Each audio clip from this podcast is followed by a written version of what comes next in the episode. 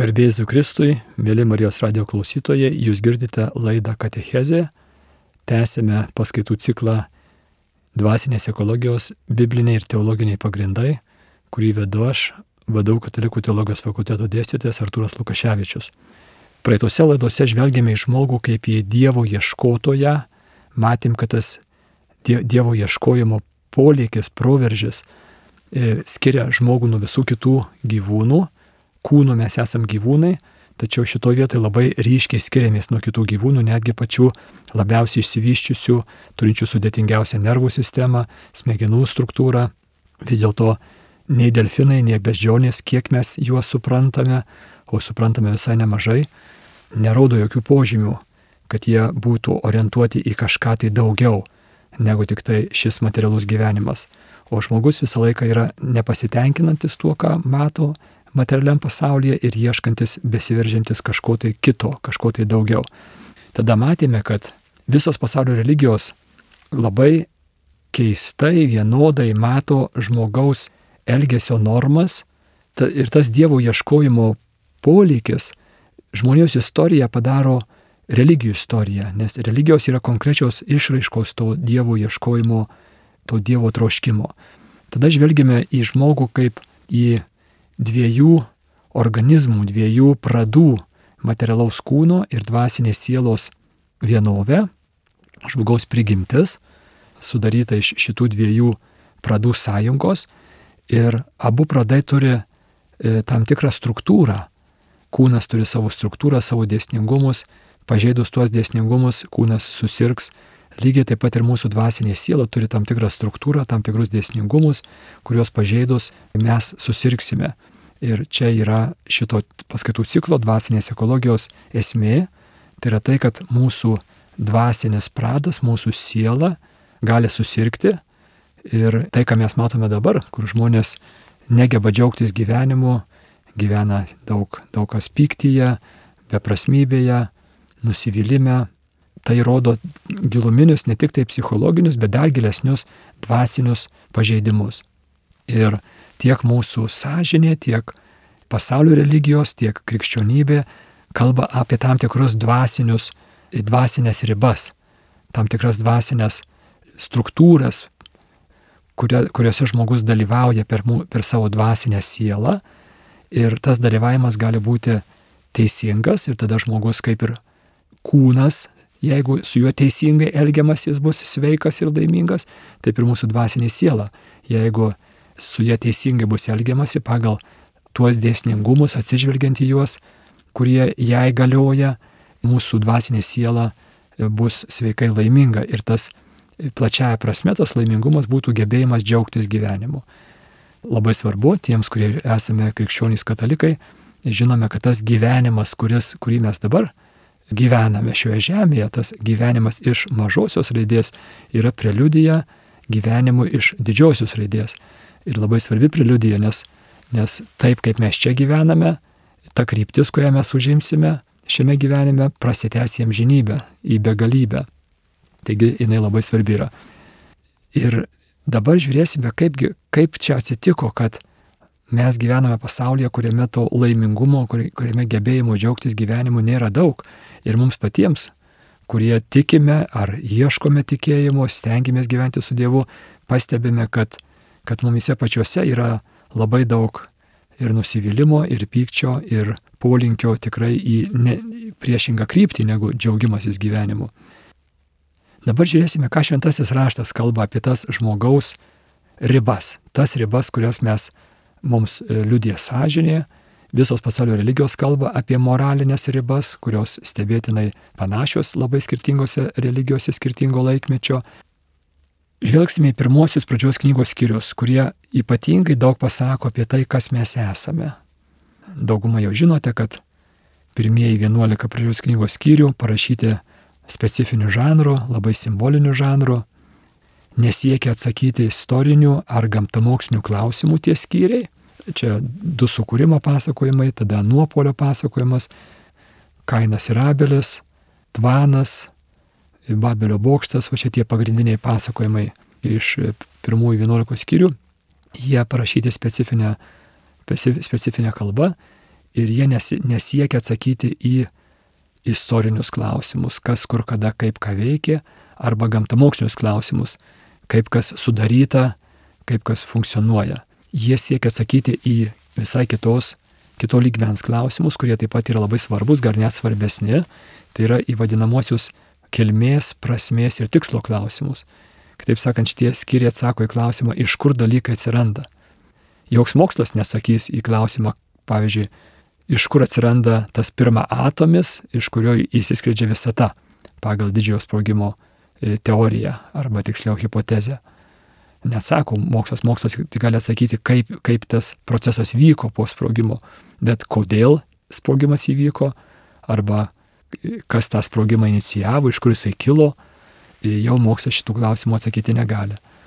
E, kilmės, prasmės ir tikslo klausimus atsako šitie pirmieji 11 skyrių. Šitie pirmieji pradžios knygos skyriai atsako į tuos specifinius klausimus, kurie mums ypač rūpi, kalbant apie dvasinę ekologiją, apie mūsų dvasinę sveikatą. Pradžios knygos pirmieji du skyriai atsako į klausimą, kas yra žmogus. Arba mūsų terminais kalbant, kas yra žmogaus prigimtis, kas yra žmogaus esmė, koks žmogaus santykis su kūrėju ir kūrinyje. Ir trečiasis pradžios knygos skyrius atsako į klausimą, kaip žmogaus prigimtis susirgo, sutriko. Jeigu turite galimybę, kviečiu po laidos ar, ar laisvų maldos laiku šituos skyrius ramiai neskubant perskaityti.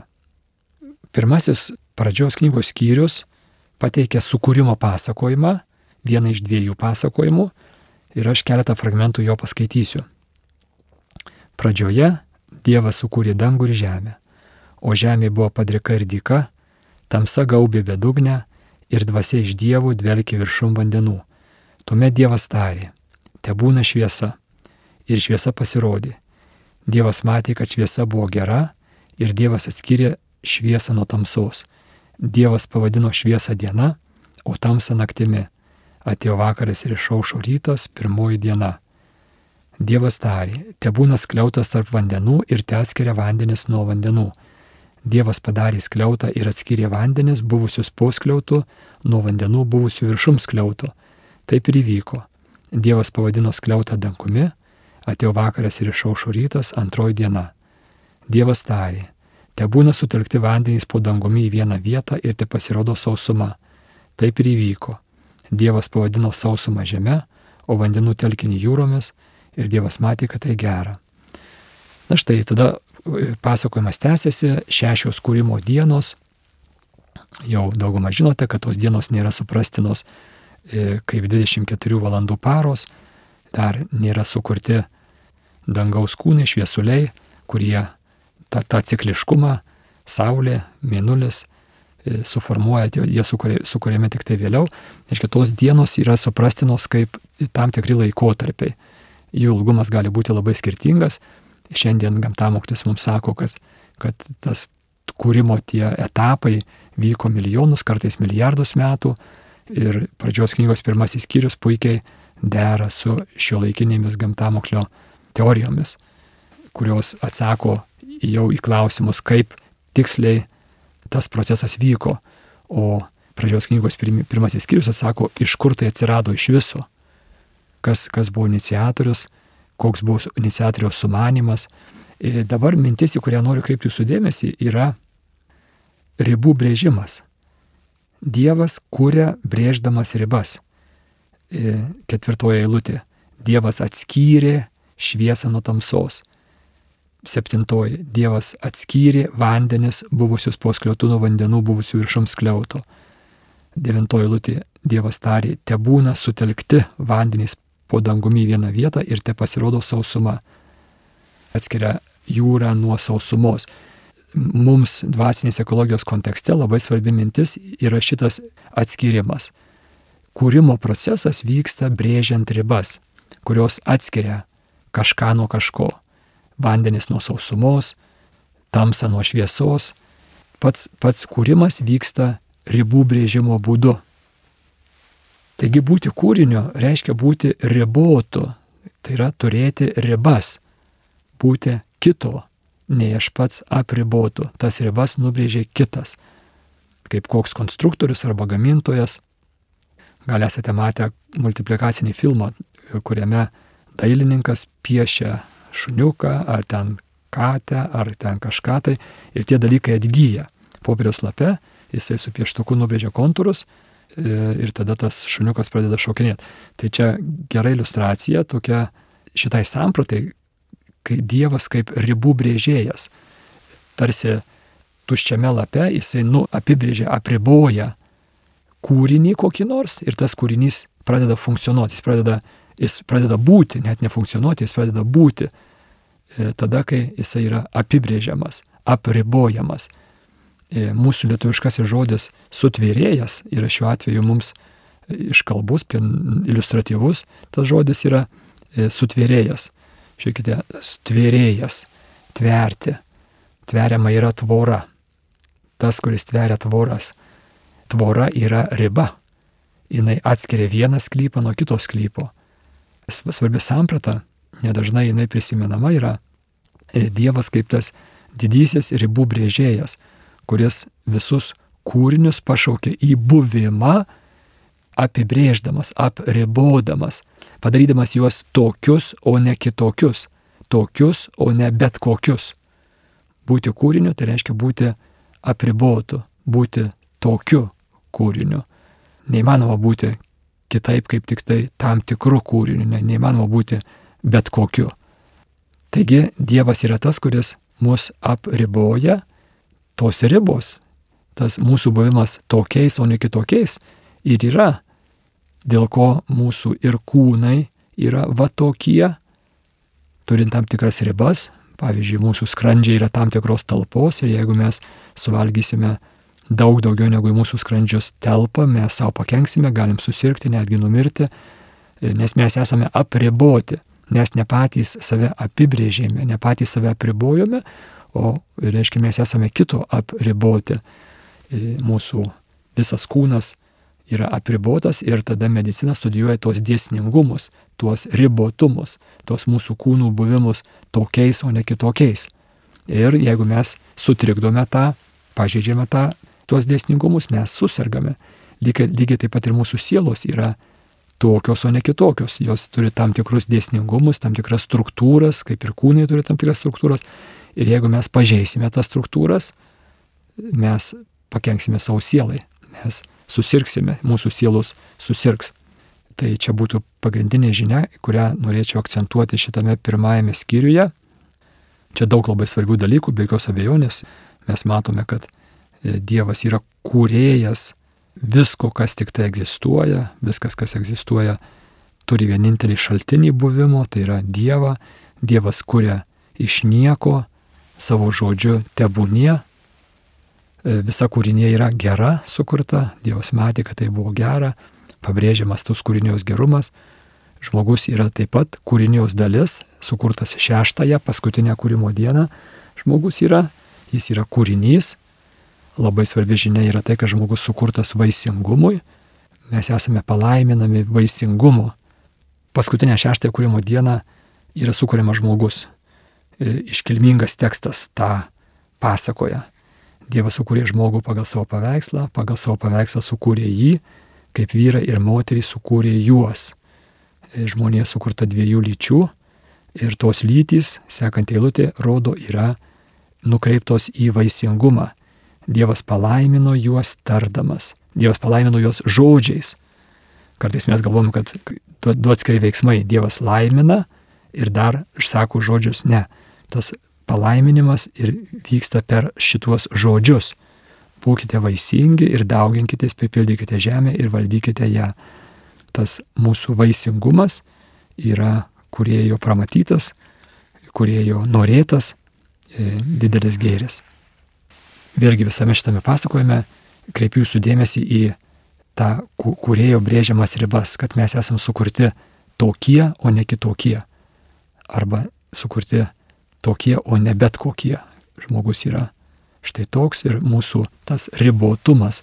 Mes tą žodį ribotas dažnai naudojam kasdienybė, bet tokia siauroka prasme sakom, nu, kai aš esu ribotas žmogus. Nu tai suprask mano, mano jėgos yra ribotos, mano pinigai yra riboti, mano galimybės ribotos, labai teisingai, tai visiškai ribotai ir esame. Tačiau tai yra daug giliau. Tiesiog pats buvimas bet kokiu kūriniu, tame tarp ir žmogumi, reiškia, kad mes esame kito nei aš pats apibriežti, apriboti. Kaip vėliau matysime, būtent mūsų susirgymai visi kyla iš tų ribų pažeidimo, kaip ir kūniški susirgymai, taip ir sielos susirgymai kyla iš to, kad mes negerbėme kurie nubriežtų ribų ir tada susirgame. Antras susikūrimo pasakojimas, pradžios knygos antrame skyriuje esantis, jau koncentruojasi į žmogų. Jeigu pirmajame pasakojime mes matėm žmogų kitų visos kūrinijos kontekste, tai antrasis pasakojimas žvelgia į žmogų kaip į bendrystį sukurtą būtybę. Žmogus yra sukurtas meilės bendrystė. Kaip dažnai žmonės sako, mylėti ir būti mylimas. Tikrai taip ir yra, nes esame sukurti mylėti ir būti mylimi. Ta meilės bendrystė, latiniškas žodis komunijo, komunija. Mišiuose mes priimam komuniją ir daug žmonių taip ir mano, kad komunija tai yra Euharistijos gabalėlis, kurį mišių metu priimi. Bet e, pažvelkime į etimologiją šito žodžio. Latiniškas žodžio, žodis komunija reiškia tą bendrystę, ne bet kokią bendrystę, bet meilės bendrystę. E, paskaitysiu vėl keletą fragmentėlių nuo 15 eilutės ir toliau. Viešpats Dievas paėmė žmogų ir apgyvendino jį Edeno sode, kad jį dirbtų ir jo rūpintųsi. Ir įsakė žmogui viešpats Dievas tardamas, nuo visų sodo medžių tau leista valgyti, bet nuo gero bei pikto pažinimo medžio tau neleista valgyti, nes kai tik nuo jo paragausi turėsi mirti. Viešpats Dievas tarė, negera žmogui būti vienam, padarysiu jam tinkamą bendrininką.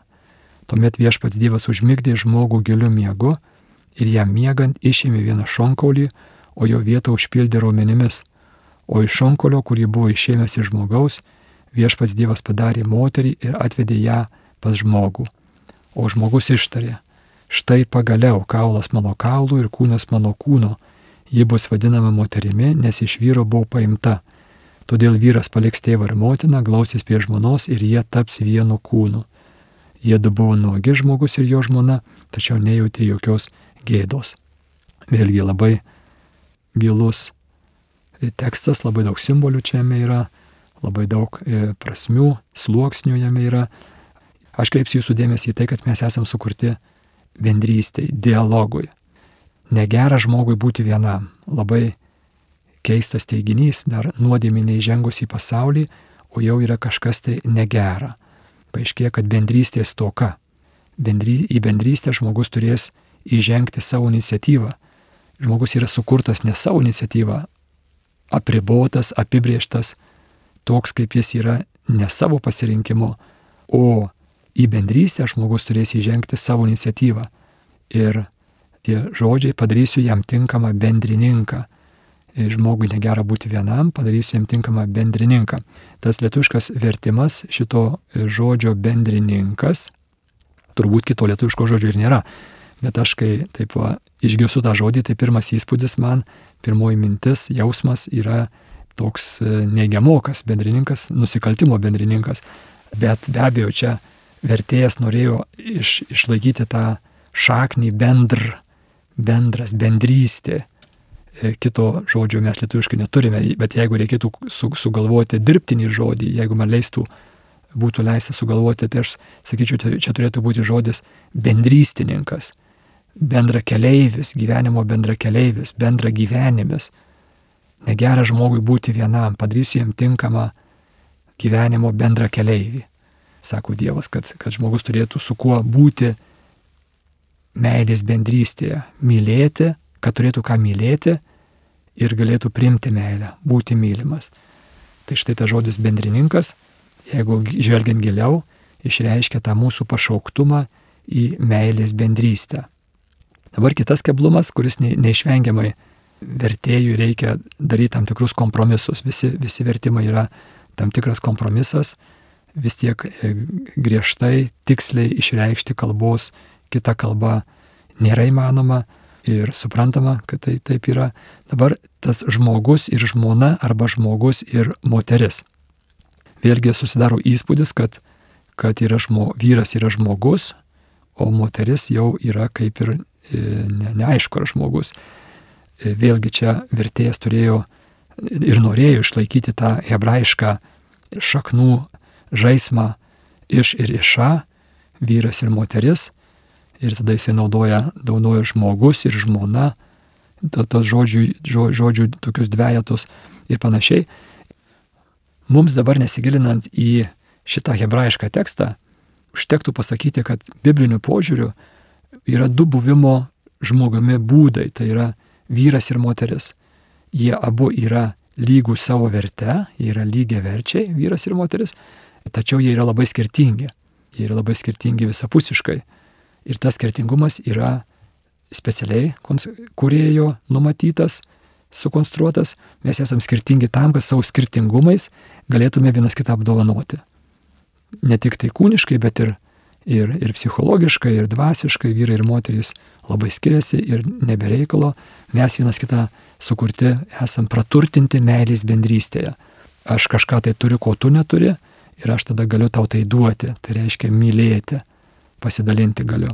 Ir aš kažko tai neturiu, ką tu turi ir aš galiu iš tavęs tai priimti Tai reiškia priimti meilę. Mes esame sukurti meiliai, mylėti ir būti mylimi. Ir tie mūsų skirtingumai yra, yra specialiai kurėjo pramatyti tam, kad per juos mes galėtume giliau, labiau, pilniau dalyvauti meilės dialoge. Dabar kitas labai svarbus simbolis, kurį čia matome, tai yra gėrio ir blogio pažinimo medis. Dievas tarė, nuo visų sodo medžių tau leista valgyti, bet nuo gero bei pikto pažinimo medžio tau neleista valgyti, nes kai tik nuo jo paragausi turėsi mirti.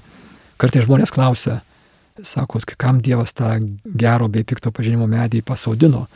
Tai be abejo, kad, kad labai rūpės jo vaisiaus paragauti, jeigu jisai uždraustas, tai tada labai rūpi. Pasakyk vaikams, kad į kurį tai kambarį negalima eiti ir jiems labai rūpės ir jie kaip tik norės ten, ten nueiti. Tai gėrio ir pikto pažinimo medis yra taip pat simbolis. Tarp kitų dalykų, tai jisai turi gilę, plačią simboliką, tarp kitų dalykų jisai simbolizuoja tą faktą, kad mes esame riboti, kad mes esame kito nei aš pats apriboti, Dievas nubrėžė ribą, kurios žmogus yra kviečiamas laikytis laisvai ir samoningai. Škia žmogus žino, kad šita riba yra nubrėžta ir kviečiamas neužprogramuotai, kaip visa kūrinė laikosi tų ribų, kurias kuriejas įdėgė kūrinyjoje užprogramuotai. Negyvoji gamta, traukos dėsniai, gravitacijos, ten reiškia visokiausi stumos, boilio, nu visa, visa fizika, visa chemija tenai suina, visa, reiškia visa kūrinyje, visa negyvoji gamta funkcionuoja užprogramuotai pagal tuos dėsningumus, kuriuos kuriejas įdėjo į tą kūrinyje tada aug, augmenija visa irgi užprogramuotai, jeigu gauna drėgmės, augalas auga, negauna vysta, saulės gauna klesti, per daug saulės vėl nuvysta, reiškia, jisai taip užprogramuotas. Vėl gyvūnė užprogramuota per instinktus, per hormonus. Ir štai vienintelis žmogus iš mums žinomų materialių kūrinių turi pilnąją žodžio prasme tą galimybę laisvai pasirinkti, tai reiškia e, suprasdamas, samoningai, ir apsispręsdamas, tai reiškia laisvą valią, paklusti tiems dėsningumams, toms riboms, kurias kūrėjas arba tvėrėjas, tai yra ribų brėžėjas, nubrėžė arba nepaklusti. Ir gėrio ir pikto pažinimo medis tai ir simbolizuoja tą faktą, kad mes esame apriboti ir pakviesti laikytis tų ribų, jų neperžengti, jų nepažeisti iš pasitikėjimo kūrėjų.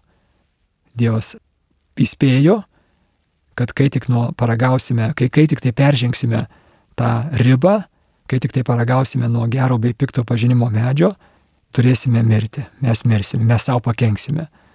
Tai štai tas gero, gero ir pikto pažinimo medis yra simbolis to fakto, kad mes esame apriboti, laisvai kviečiami tų ribų nepažeisti. Kitas svarbus simbolis yra gyvybės medis, irgi antrajame skyriuje matome jį, taip pat trečiajame skyriuje jis yra minimas. Labai įdomus simbolis, labai galingas, daugybė kitų pasaulė žiūrų ir religijų turi šitą sampratą, kad žmogus neteko trečiajame skyriuje mes matome, kaip, kaip reiškia, žmogus netenka prieimo prie gyvybės medžio. Iš esmės visos religijos turi šitą, šitą sampratą, kad, kad mes, žmogus tokoja gyvybės pilnatvės, gyvenimo pilnatvės apstos mes tokojame, mes, mes esame tik tai pusiau gyvi. Kažko tai, kažko tai reiškia mūsų gyvybingumui trūksta. Mes nepilnai gyvename, mes esame tokie pusiau, pusiau mirę. Šventasis raštas šituo galingu gyvybės medžio simboliu tą pačią tiesą pabrėžia, kad, kad gyvybės mes savyje neturim, ta gyvybė yra mums duodama iš išorės ir tas tai, tai simbolizuojama gyvybės medžiu. Ir vėl e, įdomu prisiminti Jėzaus žodžius Jono Evangelijos 10 skyriuje, kur sako, aš atėjau, kad žmonės turėtų gyvenimą ir apščiai jo turėtų. Tas gyvybės apsta, kurios žmogus neteko per nuopolį, per, per e, nusigrėžimą nuo Dievo, kurį aptarsime sekančioje laidoje, mums gražinama Jėzuje Kristuje. Jis pasako drąsius žodžius jeigu jisai nebūtų tas, kuo jisai save skelbė, kaip šitie žodžiai skambėtų paprasto žmogaus lūpose. Jisai sako, aš turiu galę žmonėms duoti tą gyvenimo apstą, kurios jie trokšta.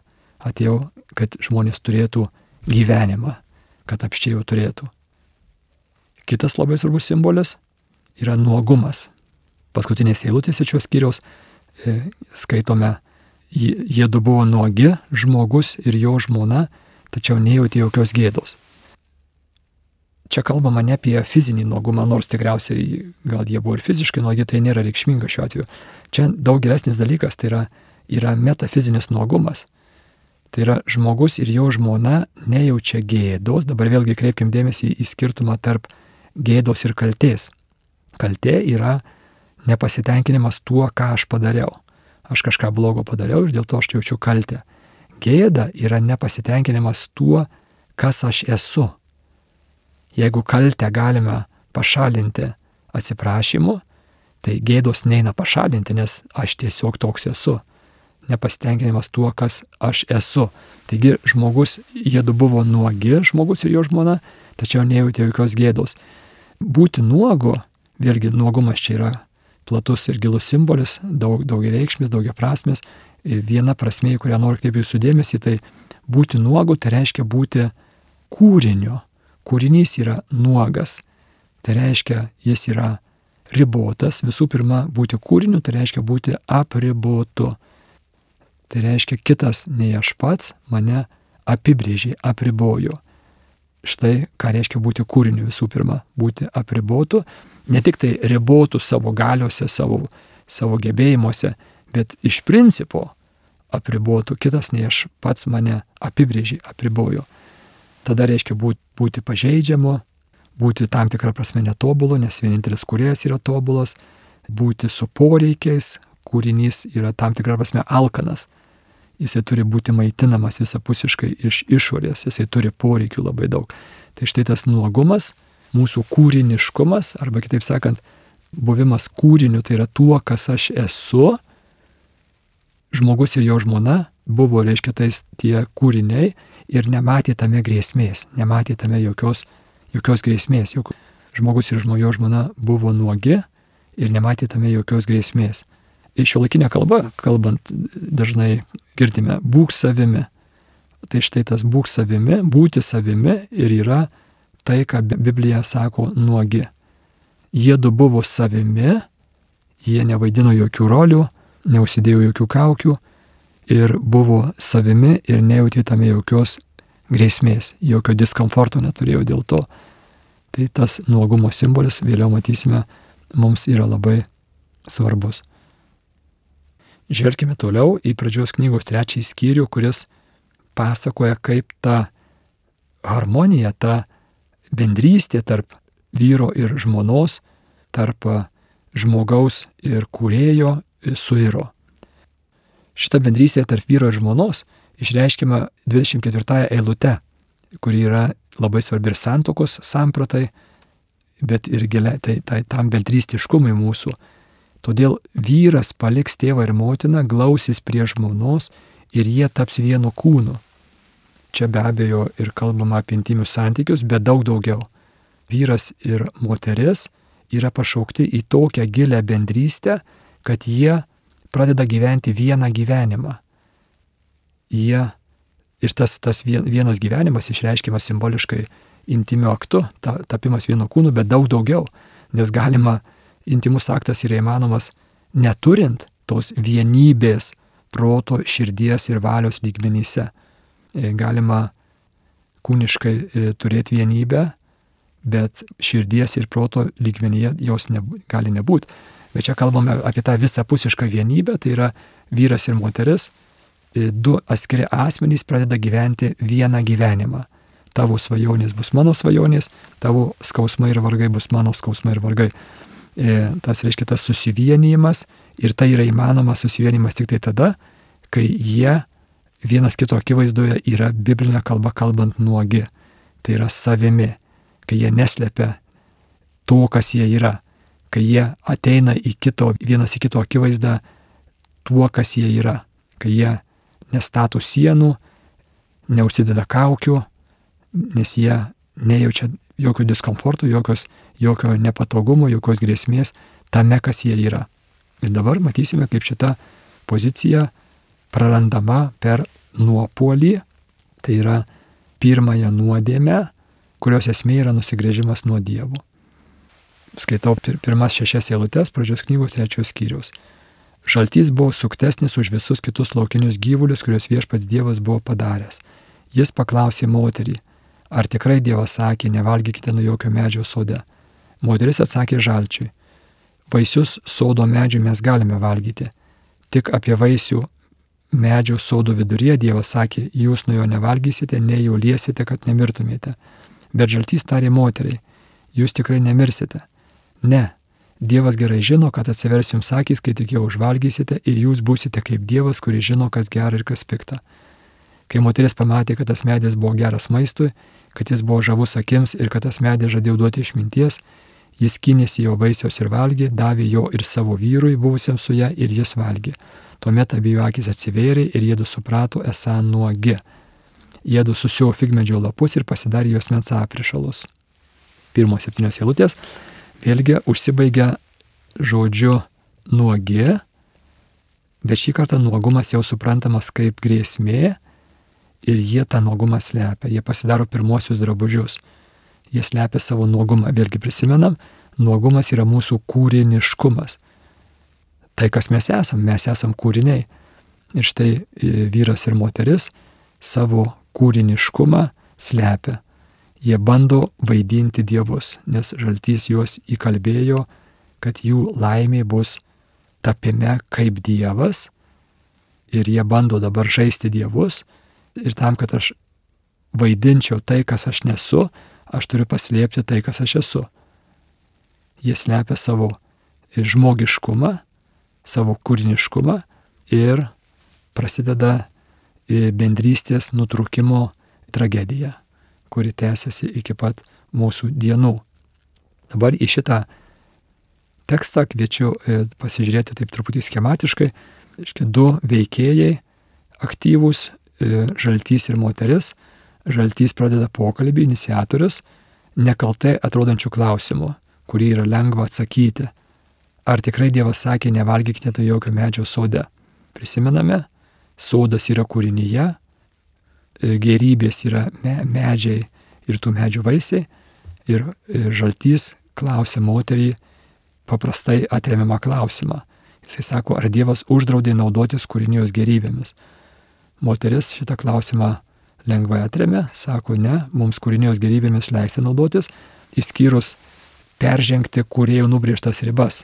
Ne mes patys sprendžiame, kokios tos ribos yra, ne mes patys sprendžiame, kas gera ir kas pikta, iš šitų ribų mes neperžengiam, mes nevalgom nuo to medžio, kuris simbolizuoja šitą ribą, gėrio ir blogio pažinimo medės, tam, kad savo nepakenktume.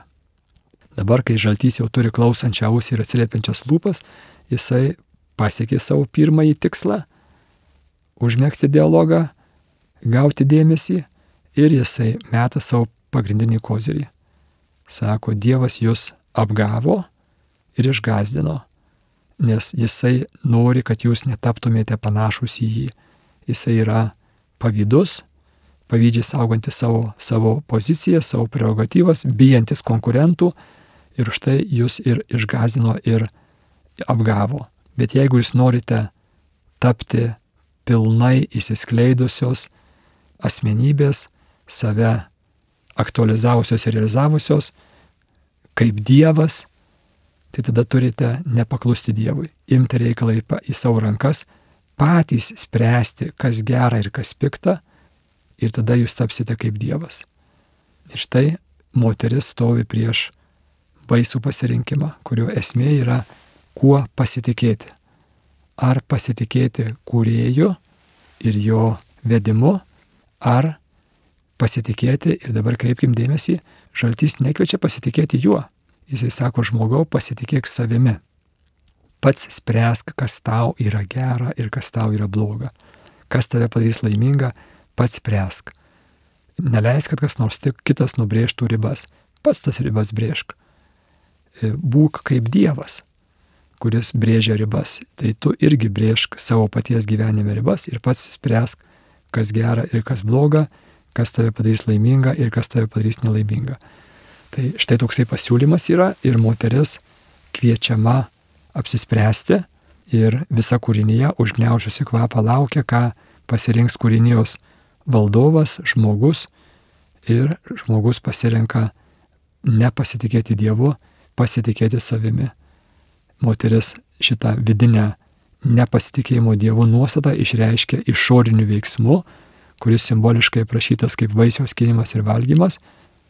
Dabar įdomus dalykas yra, kokią poziciją šitame vaidina vyras. Mes matome moterį aktyviai dalyvaujančią dialogę ir vyras atrodo, kad jo čia nėra. Paaiškėjo, kad jis čia yra ir atidžiai skaitant tekstą matome, kad kai moteris skynėsi vaisiaus ir valgė, davė jau ir savo vyrui buvusiam su ją. Taigi Adomas yra čia pat, jisai dalyvauja pasyviai ir kai kurie teologai šitame pasyvume mato jau nusižengimą Dievo valiai, Dievo įsakymui, kuris buvo duotas antrajame skyriuje, kur buvo žmogus, e, kur buvo vyras apgyvendintas sode, kūrinyje, kad kūrinyje, jisai, kad soda jisai dirbtų ir jo rūpintųsi. Tas veiksmardis rūpintųsi gali būti verčiamas ir saugotųsi, turi ir saugojimo funkciją savyje. Taigi kai kurie teologai sako, kad vyras savo pasyviu dalyvavimu šitame pokalbėje jau nusižengia Dievo įsakymų saugoti savo žmoną nuo labai pavojingai besivystančio pokalbio. E, kaip tai bebūtų, ar šita teologų hipotezė būtų teisinga ar neteisinga, mes matome, kad e, kiekvienas iš jų, būdami asmenys, nepaklūsta ir nusižengia Dievo įsakymui asmeniškai. Kartais sakoma, kad, kad moteris yra kalta dėl pirmosios nuodėmės ir dėl visų kitų blogybių šioje žemėje. Vėlgi tai yra neteisinga. Bibliniu požiūriu abu jie nusižengia už save Dievo įsakymui, kadangi jie yra atskiri savarankiški asmenys, moteris apsisprendžia nepaklusti Dievui, vyras apsisprendžia nepaklusti Dievui, kiekvienas iš jų tai padaro už save. Ir tada jų akis atsiveria kažkam tai ir jie pamato tame, ką pamato grėsmę. Pratesime sekantį kartą. Klausytės laidą Katechezė. Ja aš vedžiau aš, vadovau Katalikų teologijos fakulteto dėstytojas Artūras Lukaševičius. Likite sveiki.